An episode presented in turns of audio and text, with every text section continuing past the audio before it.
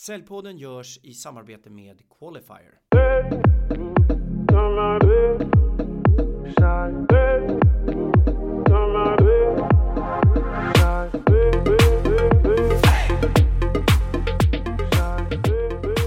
Hej och välkommen till Säljpodden, en podd för oss som gör affärer som ges ut av Säljarnas Riksförbund. Jag sitter här idag med Henrik Larsson Broman, föreläsare, forskare inom försäljning och trendspanare. Henrik jobbar idag på ProSales och är författare till boken Supertrenderna. Välkommen Henrik! Stort tack Ken! Kul att ha dig här! Tackar!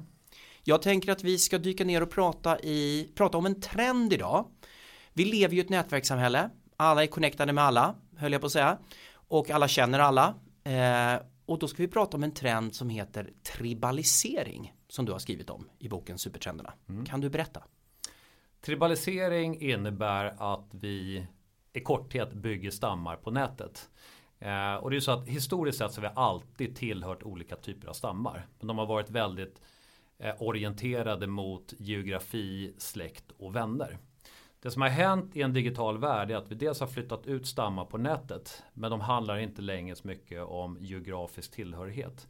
De handlar mycket mer om våra intressen, eh, våra värderingar, eh, vad vi triggas av och vad vi är passionerade kring. Och det här tycker jag är lite spännande för att tittar man på vissa långtidsmätningar och ställer frågan till svenska folket vad man finner som meningen med livet. Så finns det två frågor man har ställt. Det ena är jobbet som meningsskapare och det andra är fritiden. Och det man kan se då långtidsmätningar sedan 80-talet är att jobbet som meningsskapare sjunker och sjunker. Och framförallt bland yngre generationer. Och istället så eh, seglar fritiden upp som den primära meningsskaparen.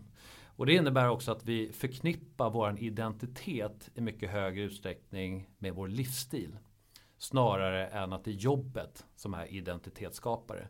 Så tittar du på tidigare generationer så handlar det väldigt mycket om att min identitet förknippades med att jag var advokat, jag var direktör, jag var läkare eller vad det nu än må vara.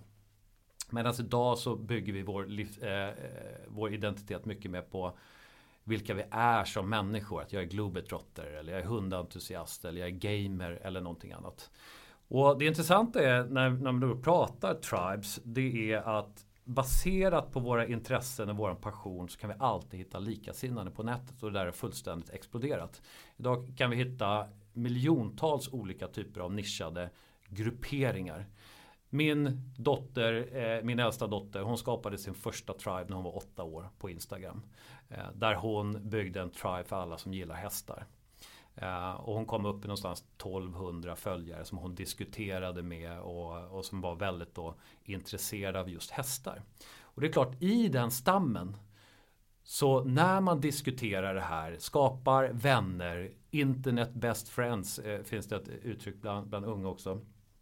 Så eh, influeras vi av de människorna. Så när, jag ska gå, när, när min dotter ska gå och köpa hästutrustning då har hon blivit påverkad väldigt mycket av människorna hennes stam. Det är de hon lyssnar på. Hon, tittar, hon filtrerar ju bort all typ av reklam. Mm. Det är inte reklam som fungerar längre utan vi lyssnar på människorna i själva stammen. Och det där tror jag är, är, om man tittar från ett långsiktigt perspektiv, kommer få ganska stora konsekvenser för hur vi påverkas och hur vi faktiskt konsumerar saker och, och ting. Så eh, det här som vi sitter nu i den här eh, podden. Det är också en form av stam. Där du bygger ett antal följare, människor som är intresserade av försäljning och, och affärer. Eh, möjligtvis också att man skulle ha något socialt medium där man kan diskutera och interagera. Du går ut på LinkedIn sen och kanske några andra typer av sociala medier. Där man kan fortsätta dialogen och skapa en stam kring det här. Uh, och ska man bli framgångsrik i morgondagens värld och, och, idag så tror jag att det handlar väldigt mycket om att vad är det för några stammar vi vill tillhöra? Kan vi bygga en egen stam? Men kan handlar inte det här om rekommendationer egentligen? Jo, det handlar om, om rekommendationer, men var får du rekommendationerna ifrån? Uh, och där bör man förstå vilka olika typer av grupperingar som man bör, bör tillhöra. Och många av de här eh, stammarna, de får ju också någon form av stamledare. Uh, och då brukar jag i mina föreläsningar så brukar jag bland annat ta upp en stamled, stamled som heter Brian Clark som mm. exempel. En person som, han började med en blogg en gång i tiden. Började med att bjuda på väldigt mycket kunskap som allt som handlar om content marketing, digital marketing och så har han byggt sin stam av 200 000 följare som är intresserade av samma sak. 200 000.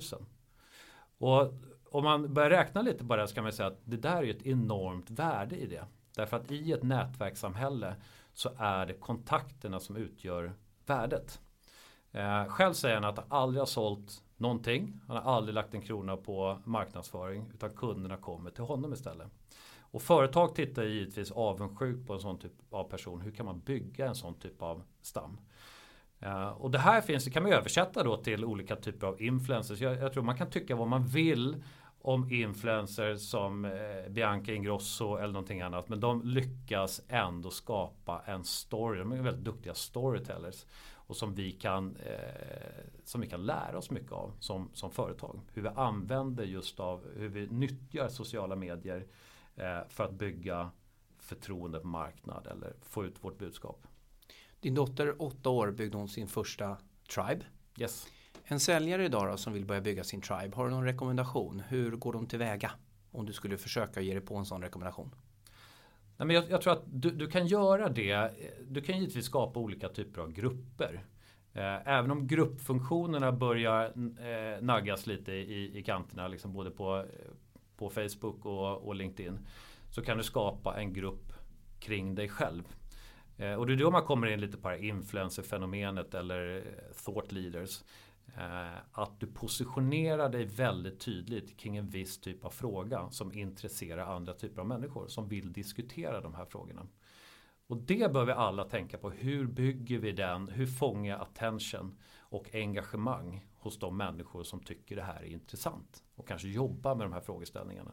Ska det vara kopplat till den produkt eller tjänst du säljer eller ska det vara kopplat till någonting högre upp, något greater good eller vad ska det vara kopplat till? Det här ämnet som du då bygger stam kring. Nej men jag tror att det beror på. Eh, beroende på vad du har för passion och, eh, och eh, in, intresse. Det kan vara att du vill positionera själv ditt varumärke. Att du har en större fråga som handlar kanske till exempel om miljö. Det behöver nödvändigtvis inte vara kopplat till din, till din produkt. Du kommer vinna mycket på att du, du, du bygger ett förtroende eh, genom att eh, prata om de frågorna.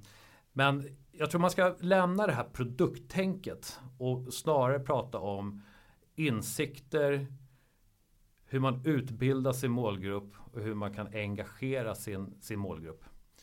Uh, och uh, fundera på vad är det för insikter jag verkligen kan leverera till min uh, målgrupp som också engagerar den målgruppen. Så att vi får, får igång en dialog. Tidigare marknadsföring den har ju handlat om, om monolog. Jag mm. skickar ut ett budskap, jag pushar ut budskap hela tiden. Framtidens marknadsföring, säljare blir också marknadsförare. handlar väldigt mycket om hur skapar vi dialog i ett nätverkssamhälle. Jättebra. Så att det handlar om genuinitet, ge kunskap och skapa dialog. Så kan du bygga en stam. Och det handlar om personligt varumärke då om vi tänker ur sociala medier perspektiv då också. Om jag förstår det rätt. Precis. Och min poäng är här att vi har slutat lyssna på företag för att istället lyssna på individer. Eh, jag är helt ointresserad av egentligen en, eh, ett utskick som, som kommer från ett, från ett bolag. Däremot om du skickar ut någonting kan, då lyssnar jag. Därför att det är dig, det är din stam jag vill tillhöra. Kanon. Tack så hemskt mycket att du var här idag Henrik. Stort tack igen. Det här var ett kortavsnitt med Henrik Larsson Broman av Säljpodden. Jätteroligt att ni lyssnade och självklart så kan ni följa Säljpodden på LinkedIn, Facebook där vi har en dialog kring försäljning där vi byter insikter med varandra för att utvecklas inom området försäljning. Välkomna till LinkedIn, Facebook eller till andra avsnitt av Säljpodden. Tackar!